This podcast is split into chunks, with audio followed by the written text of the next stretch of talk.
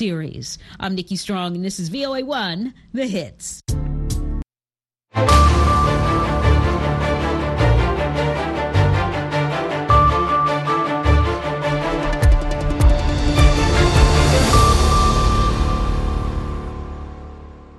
halkani waa washington laanta af soomaaliga ee v o a oo aad ka dhagaysanaysaan mawjadaha gaagaaban efemyada geeska africa iyo caalamkao dhan oo aad nagala socotaan boggeena internetka ee v o a somaly com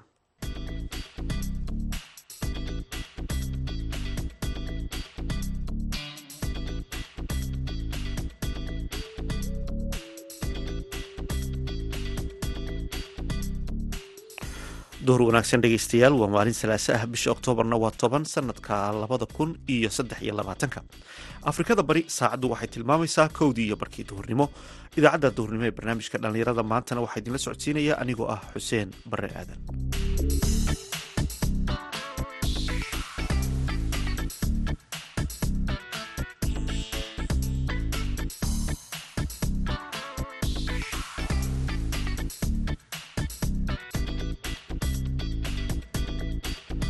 qodobada aad ku maqli doontaan idaacadda duhurnimo ee dhallinyarada maanta waxaa ka mid ah waraysi ku saabsan xaaladda aadka dadka la xanuunsan dhibaatooyinka dhimirka iyada oo maanta ay ku beegan tahay maalinta caalamiga ah ee caafimaadka maskaxda.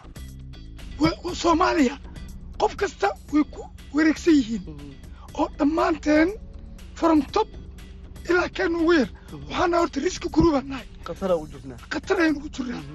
Sababtoo ah draagiski meel kasta ayuu yaallaa qaad hadday noqoto xashiish hadduu noqdo hadduu noqdo kariinka tramadoolka tramadoolka cabduqaadir wax sahlan ma aha tramadool waa narcotic drag waxaa kale oo aad maqli doontaan dhalinyaro si iskood ah u sameynaya astaamaha kala haga dadka iyo gaadiidka ee magaalada muqdisho qodobadaasi iyo warar kale ayaan idiin haynaa balse marka hore waxaad ku soo dhawaataan warkii dunida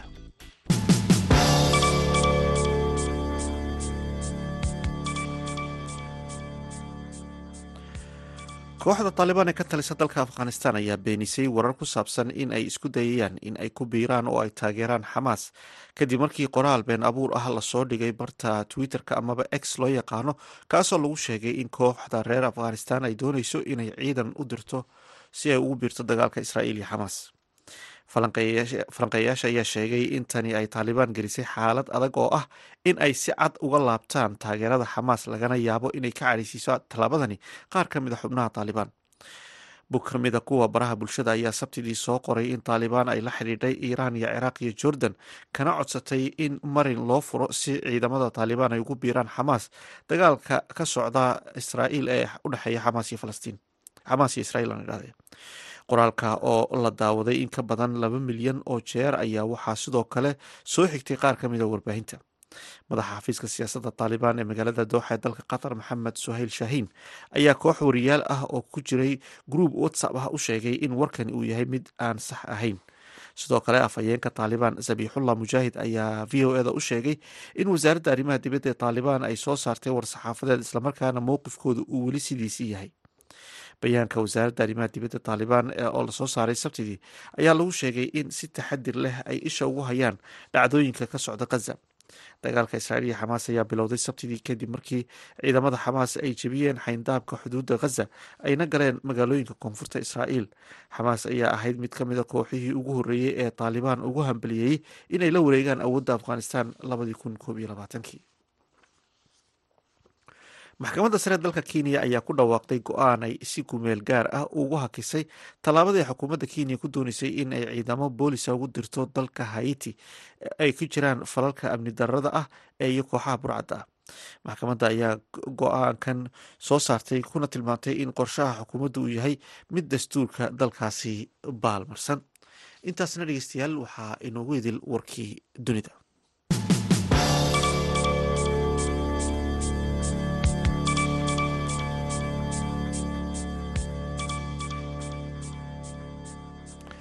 halkan dhegeystayaal nagala socotaan waa laanta af soomaaliga ee v o a. Maxkamadda sare dalka kenya ayaa ku dhawaaqday sidaad wararkaba ku maqlayseen go'aan ah in ay si kumeel gaar ah u hakisay tallaabadii ay dowladda kenya ku dooneysay inay ciidamo boolis ugu dirto haiti.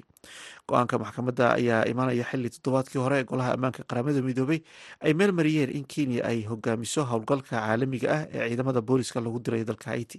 Faahfaahinta warkan waxaa inoo haya khadar maxamuud xareed maxkamadda sare ee kenya ayaa isniintii si ku meel gaar ah ugu dhawaaqday inay hakisay qorshaha ay dowladda kenya ay ciidamada ugu dirayso dalka haiti. Howlgalkan oo ah mid ay qaramada midoobay ay taageerayso ayaa ujeeddadiisu ay tahay sidii dib loogu soo celin lahaa xasiloonnidii iyo kala dambayntii dalka karebiyanka ku yaalla ee haiti. Laakiin maxkamadda sare ayaa si ku meel gaar ah u joojisay qorshahaasi isniintii kadib markii uu maxkamadda dacwad uu u gudbiyey siyaasiga mucaaradka ee lagu magacaabo ukuru awkood ee ka tirsan isbahaysiga lagu magacaabo third way ee kenya kaasoo ku doodaya in tillaabada ay dowladda kenya ciidamada kunka askari ay ugu dirayso dalka hayti ay tahay mid aanan sharci ahayn oo baalmarsan dastuurka dalka wuxuuna garyaqaankan maxkamadda dacwadda u gudbiyey uu sidoo kale uu ku doodayaa inaysan jirin wax heshiis ah oo ay kenya horey u gashay oo dhigaya inay ciidamo booliis ah ay u dirto amaba ay u diri karto dal kale. Haddaba muxuu ka dhigan yahay go'aanka ay maxkamadda sare ee kenya ay ku hor istaagtay tillaabada ay dowladdu ay ku doonayso inay ciidamo booliis ah ay ugu dirto dalka hayti cabdirasaaq maxamed waa garyaqaan madax bannaan oo ka howlgala magaalada nairobi. Maxkamadda kenya aan leenahay waxaawaye maxkamadaha high courtka ee constitutional courtka waa sharci oo wadanka maarata u yeela maxkamadda in ma aragtaye wixii sharci ku istaagan in loo aadi karo. Waxaa xiisad taalay in dowladda kenya ay ballan qaaday inay askarta booliiska kenya loo dirayo magaalada haiti ay ballan ka qaaday in qaramada madoobey ama u n-ka si loo aqaano ciidamo kenya ilaa ay kun dhan in xaggaa loo diro si ay maaragtay howl iga howlgasho. Marka sida saxda e waxaaway sharciga kenya ma qabo in askarta kenya la geeyo wadan aanan kenya ahayn. Waayo sharciga qaanuunka wadanka u yaalla waxaa askarta sida militariga camal ma aha. Waa inay ka shaqeyso wadanka gudihiisa oo xataa aynan aadi karin waddamada dariska nooc sida uganda ama etoobiya ama soomaaliya. Waayo looma ogolo waa in boolista wadanka kenya ay dhexdeeda ka shaqeyso. Haddii lacalla marka loo baado inay hooshaas dhacdo waa in isweydaarsi labada wadan ay ka dhexeyso. Maxaa ka mid eh kenya waa inay ku leedahay safaarad wadanka haiti oo calaqaad aan leenahay laba wadan oo isu baahan oo tababar isiinaysa camal inay hooshaas isaa ku aadeyso taa hadday meesha ka baxsan tahay waa in dadweynaha kenya loo bandhigo oo dadweynaha kenya sharciga siduu ka qabo waxaa in dadweynaha kenya loo bandhigo oo dadka weynaha kenya ay dhahaan haye. Wadankaas waa wadan afrikaan ah waa wadan maaragtahay de inkastoo uu ku yaalla latin america waa wadan inala dhashay waa dad rafaadsan waan u ogolnahay inay askartaanada baxdo waayo dadweynaha kenya ayaa iskale askarta iyada lacagteeda bixisaa marka sidaa iyadana ma dhicin qorshaha kenya ay hayti ciidamada ugu dirayso weli waxa uu qabyo ka yahay gudaha dalka kenya waxaana sharciyan ay tahay in qorshahan ay ansixiyaan baarlamaanka dalka kenya. Lamana oga waxa uu noqon doono go'aanka baarlamaanka ee ku aadan tallaabada ay dowladdu ay ciidamada ugu dirayso dalka hayti haddaba muxuu noqon karaa tillaabada xigta ee ay dowladdu qaadi karto? Dowladda waa shaksi bay ka tahay keeskan waayo ayada ayaa la dacweeyey waxaa la dacweeyey madaxweynaha wadanka iyo maaragtaye booliiska ninka u weyn baarlamaanka iyo baarlamaanka kore ee senatka loo aqaana iyo ninka sharciga kenya looyarka u wadanka dhan u joogay attorney generalk magacaabo. Marka waxay xaq u leeyihiin inay maxkamadda imaadaan ay ka soo jawaabaan su'aalaha lagu andaceeyey iyo maarata wixii loo qabsaday ee ay dhahaan sababahan iyo sababahan ugu baahno marka ay soo bandhigaan. Taasi marka maxkamadda u taallaa inay ku raacdo in sidii hore maxkamadda u diiday u diid. Hadday diidda maxkamadda way diiday hadday maxkamadda ogolaatona maxkamadda marka iyada ogolaan kartaa hooshooda marka way u fasaxan yihiin way wadi karaan. Marka hoosha hadda waxay u taallaa maxkamadday u taallaa. Siba maxkamadda loo yaqaana constitutional courtka ee wadanka kenya ee high courtka oo awooddaas leh. Marka maxkamadda ayay u taallaa hadday maxkamadda dhahdo arrintaa ma soconayso ma soconayso. Wax laga qaban karana mala waayo sharciga waxaa tafsaasiirkiisa leh maxkamadda leh maxkamadda ee constitutional courtka ayaa leh. Marka su'aasha kalena waxaa waaye qaramada midoobey ee howshan laga ballan qaaday maxaa waay? Qaramada midoobey wadanka sharciga u yeela sida qaanuunka u yeela constitutionalka ma soo dhexgeli karto. Waayo wadan waxaa waaye layihahda sovereign country waaye. Marka wixii wadanka oo sharcigiisa ku taagan waa inay marka qaramada midoobey ay raalli ka noqoto. Haddii kenya sidaa ay dhahday raalli baan ku nahay oo hadde maxkamaddii baa diiday dowladda iyo garyaqaanada ama dadka doonaya inay ka falceliyaan tillaabada maxkamadda sare ayaa haysta muddo dhan saddex casho. Taasoo sidoo kale siyaasiga mucaaradka ee dacwaddan soo gudbiyey isagana laga doonayo in saddexdaasi maalmood uu ku soo dhammaystiro. Caddeymaha iyo sharciyadda ay doodiisu ay ku salaysan tahay khadar maxamuud xareed v o a nairobi. Halkaad weli dhegeystayaa nagala socotaana waa laanta af soomaaliga idaacadda v o a. Markan aynu ku wada nasanno mid ka mid a heesaha aan idinku tala galnay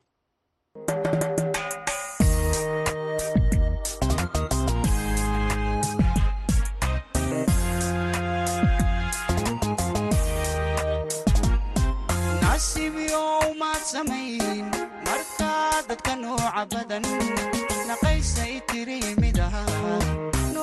waxay tahay aqo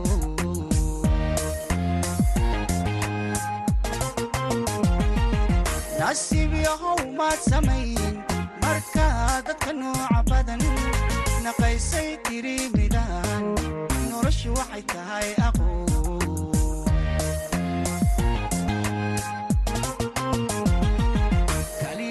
nabarada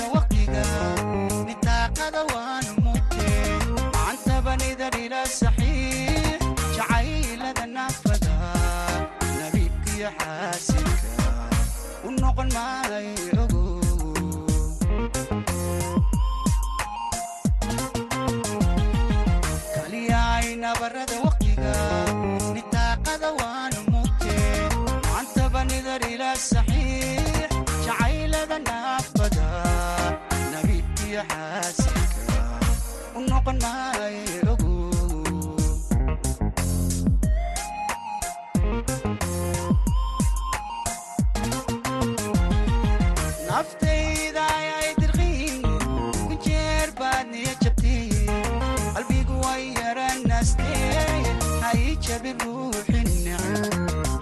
hay jabi ruuxin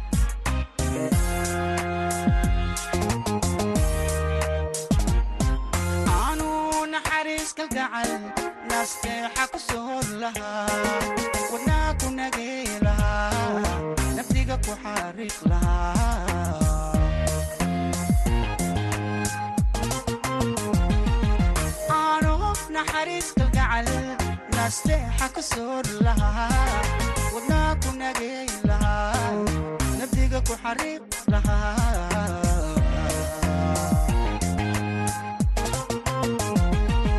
Waqtiga nacabigu dariyo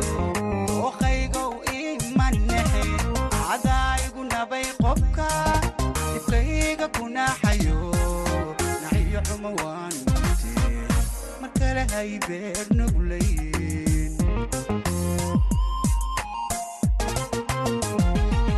waqtiga nacabigu dariyo ookaygow imanexe cadaayigu nabay qofka dibkayga kunaxayo naxiyo xumo waan mute mar kale hay beer nuglayn naftayda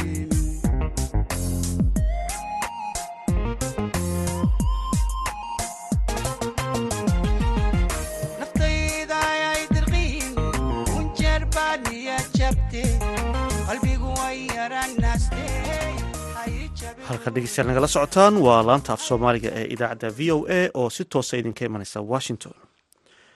Dunida tobanka bishan ee oktoobar waxaa laga xusaa maalinta caafimaadka dhimirka waxaana la isku soo baraarujiyaa xoojinta caafimaadka dhimirka iyo yareynta waxa keena dhibaatooyinka caafimaad darro ee maskaxda. Soomaaliya waxaa caqabado badan ay ka jiraan meelaha lagu baxnaaniyo dadka dhimirka ka buka iyada oo qaarkood aanay helin daawooyinkii iyo baxnaanadii ay u baahnaayeen cabdulqaadir maxamed cabdulle ayaa arrimaha xaaladda bukaanka dhimirka ka wareystay. Doctor cabdiraxmaan cali cawaale oo loo yaqaano doctor xabeeb waa maasan tahay?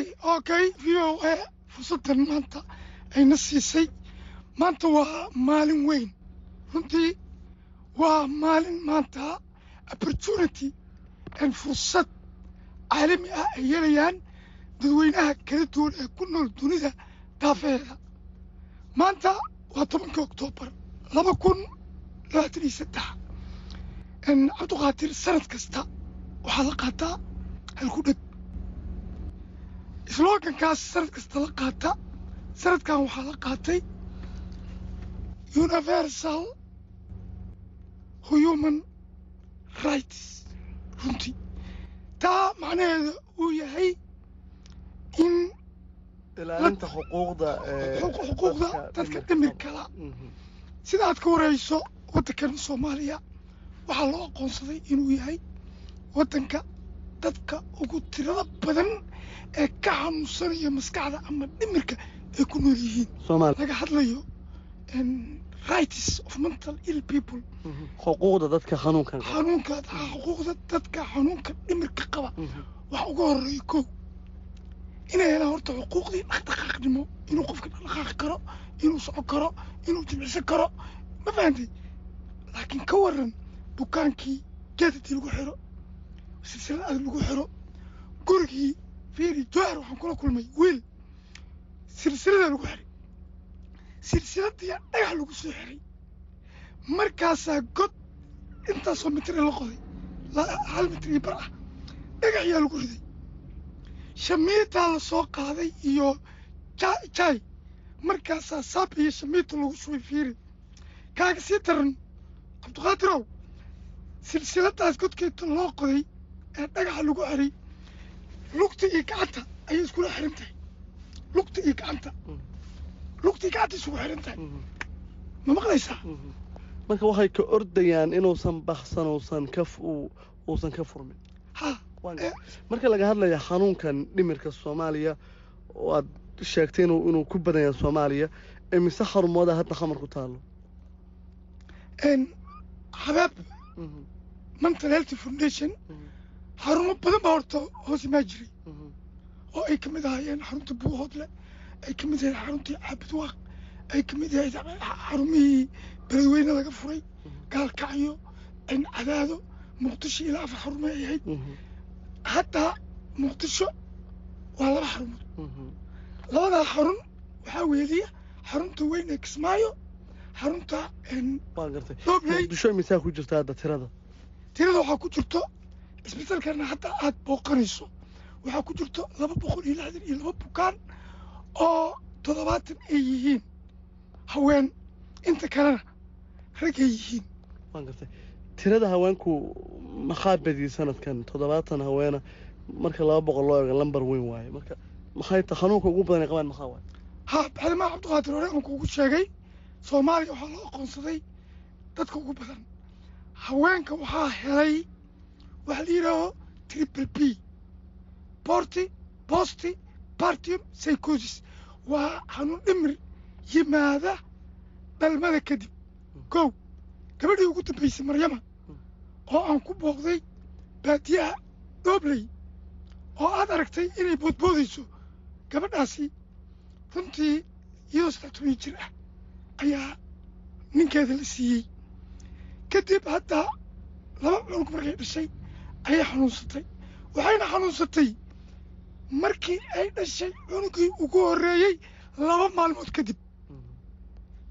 Xanuunkaas wuu ku badan yahay dalkeenna borti bosti partium psychosis eh, ama waxay noqonay bosti partium depression oo qalbi jab aamusnaan iyo ilin soconaysa ama tii maryam oo aad ku aragteen en social media bosti partium psychosis oo ah cudurkii dhimirka ay way waan gartay xanuunada dhimirka ee dadka haddaa la tacaalayso maxay u badan yihiin guud ahaan maxaa sababa xanuunka ugu badan dadka soo ritaahay waa xanuuno noocaya precipitating factorka macnaha sababaha dhabta ah. Dadka af soomaaliyeed.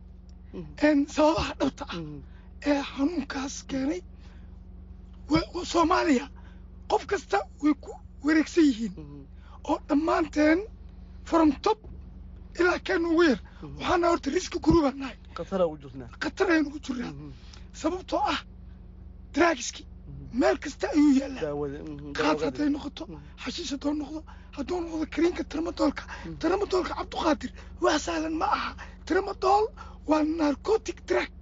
Narcotic drug fiiri. Waa opium. Waxaa loogu talagalay qaliimada waaweyn sida wadnaha dadka la qalaya beri oo kale in lagu duro kan beri la toogana oo kale in lagu duro waa narcotic drug. Opiumka opium ayaa warshad la geliyey. Marka la warshada la geliyey waxaa laga dhigay heroin powder iyo morphine. Morphinta marka tramadol brand of morphine. Marka aan ka nimaado doctor maxaad ku baaqaysaa sanadkan? Waxaa sheegtay in xanuunkii badanayo in dadku uu soo ridanayo in soomaaliya khatarta loogu jiro dhimirka uu badan yahay. Ugu dambeyn maxaa ku baaqi lahayd? Waxaan ku baaqi lahaa sida madaxweyne paul kagama ruwanda genocide ka dhacay xasuuqa ka dhacay maxaad codsanaysaa markuu xugga ku guulaystay wuxuu yidhi mental health initiative waxaan ka codsanayaa si hay'adaha marka fiiri markay codsadeen ruwanda waxaa laga shaqeeyey mental health yaa laga shaqeeyey? Waddanka wuxuu noqday waddan cagaaran kan ugu nabadda galan ugu nabadda gelyada badan waxay la tartamayaan yurub. Waxaan ka codsanaa marka madaxweynaha prime ministerka guddoomiyaasha baarlamaanka inay ka hadlaan ay codsadaan mental health initiative campaign. Aad ayuu mahadsan yahay doctor cabdiraxmaan cali cawaale doctor xabeeb oo u waramayay wariyaha v o eda cabdulqaadir maxamed cabdulle. Halkaad kala socoteenna waa laanta af soomaaliga ee v o a sanadihii ugu dambeeyey soomaaliya waxaa ku soo noqnoqonayay dhalinyaro badan oo ku koray qurbaha waxayna dhowr door firfircoon ku yeesheen nolosha dadka ku nool gudaha wadanka qaar ka mid ah da-yartaasi ayaa waxyaabihii wanaagsanaa ee la xidhiiray dowladnimada. Waxay ku soo celiyeen soomaaliya. Haddaba wiil dhalinyaro ah oo muddo ku noolaa qurbaha ayaa waxaa waddooyinka muqdisho ku sameeyaa ranjiyeyn iyo inuu hareerahooda ku dhejiyo astaamaha kala xadeeya dadka iyo gaadiidka. Astaamahaasi oo muddo dheer ka maqnaa dalka wariyaha v o eda cabdicasiis barrow ayaa warbixin la xidhiirta shaqada wiilkan iyo aragtida dadka qaar ay ka qabaan inooga soo diray magaalada muqdisho. Cismaan maxamuud aadan waa wiil dhallinyaro ah oo muddo ku noolaa qurbaha. Waxa uu dhowaan ku soo laabtay magaalada muqdisho ee caasimadda soomaaliya. Si isxilqaan ah ayuu uga shaqeeyaa waddooyinka caasimadda sida inuu riinji mariyo goobaha loogu tala galay inay dadweynaha ka gooyaan waddooyinka iyo in hareeraha laamiyada uu siro astaamo loogu tala galay inay kala hagaan dadweynaha iyo gaadiidka waddooyinka isticmaalaya. Waa shaqo ay adag tahay in si bilaash ah uu qof ku nool magaalada muqdisho u qabto laakiin cismaan maxamuud waxa uu u arkaa inay tahay mas'uuliyad wada saaran dowladda iyo bulshada. Sidaa darteedna uu go'aansaday inuu isaga u istaago. Waxaa ku guda jirnaa wejigii labaad barnaamijkan maanta. Wejigii labaad waaye Een, maxaa yeelay wejigii hore waxaan suubinay iyadoo laamiga aan calaamadeynayno baaritaan kadib baaritaan dheer aan suubiyey kadib waxaa ii soo baxday rinjigii inuu saneeyo rinji tayo leh oo waddankaba uusan hoolin rinjiyada saxda ah oo jidadka loogu talagalay. Beddelkaygana waxaan suubiyey sida boorkan aa ujeediin Ee, iyadoo boore inaan maaragta u bedelno barnaamijkii iyadaan ku guda jirnaa khaasatan meelaha zaxmadda leh iskuullada meelaha dadka ay waqtiyadooda fariiga yihiin ee maaragtay inay waqti ku qaataan u imaadaan taasaan maanta ku howlanahay qaar ka mida dhallinyarada degmada kaaraan ee gobolka banaadir ayaa soo dhoweeyey tallaabada uu wiilkan dhallinyarada ah la yimid waxayna hoosta ka xariiqeen in iyaguna ay ku daysan doonaan maadaama hal abuurkan iyo shaqadan uu ku soo kordhiyey xaafadda iyo waddooyinka ay isticmaalaan. Aad ugu mahad celiyeynaa ismaan diyos bare oo noo sameeyey alaabihii mataqaanaa rongabood meel la yidhaah.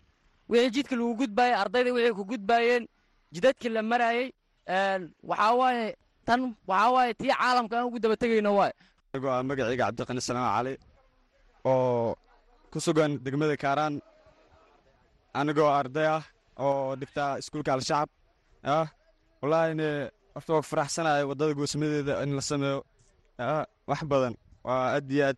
Wallahi waa ku faraxsanahay guddoomiyaha dhallinyarada gobolka banaadir cabdilkaafi maxamuud makaraan ayaa sheegay in waayadii ugu dambaysay dhallinyaro badan oo ka soo noqonaya qurbaha ay la imaanayeen afkaar u danaynaysa dowladnimada iyo horumarinta bulshada. Laakiin cismaan maxamuud aadan uu si gaar ah u mudan yahay in la biritaaro hawshan muhiimka ah oo u istaagay islamarkaana uu bulshada u qabanayo. Ognahay saxmadda ka jirto halkaan hadda joogno oo suuqa kaaraan ah in runaantii baahi badan ay u qabeen. Marka waxaan rabaa inaan dhallinyarada soomaaliyeed ee waxbartay ee dalka dibiddiisa jiro inay ku daydaan ismaaciil oo kale. Waddankii ayuu labaatan sane ka maqnaay dib ay ugu soo laabtay isla markii u imaadana wuxuu ka howlgalay isagoona dowladd u hay'ad gaara wadanin sidoo bulshadan wax ugu qaban lahay waxaan ognahay wejigii koowaad inuu laamiga waddooyinka laamiga meelaha la gooyaayo inuu rajiyeen uu sameeyey. Haddana oo wejigii labaad oo ka dhigtay inuu boorar inta soo daabaco asaga jeebkiisa qarashkiisa geliyo. Haddana magaaladii muqdisho gaar ahaan degmadii kaaraan oo ku bilaabo. Waxaan rajeynaya ismaaciil in degmooyinka kalena aad gey doonto. Annagana haddaan aan dhallinyarada gobolka banaadir waxaan u taagannahay inaan kugu garab istaagno kugu dhiirigelinno shaqada quruxda badan ee aan ka qabatay degmada kaaraan. Sannadihii ugu dambeeya muqdisho waxaa la dhisayey waddooyinkii burburay laakiin taasi beddelkeeda waxaa yaraa inaad aragto astaamaha kala xadeeya bulshada iyo gaadiidka. Cabdilcasiis barrow v o e muqdisho. Halkaad weli nagala socotaana waa laanta af soomaaliga ee v o a markaan aynu ku wada nasanno mid ka mid a heesaan inti ku talagalnay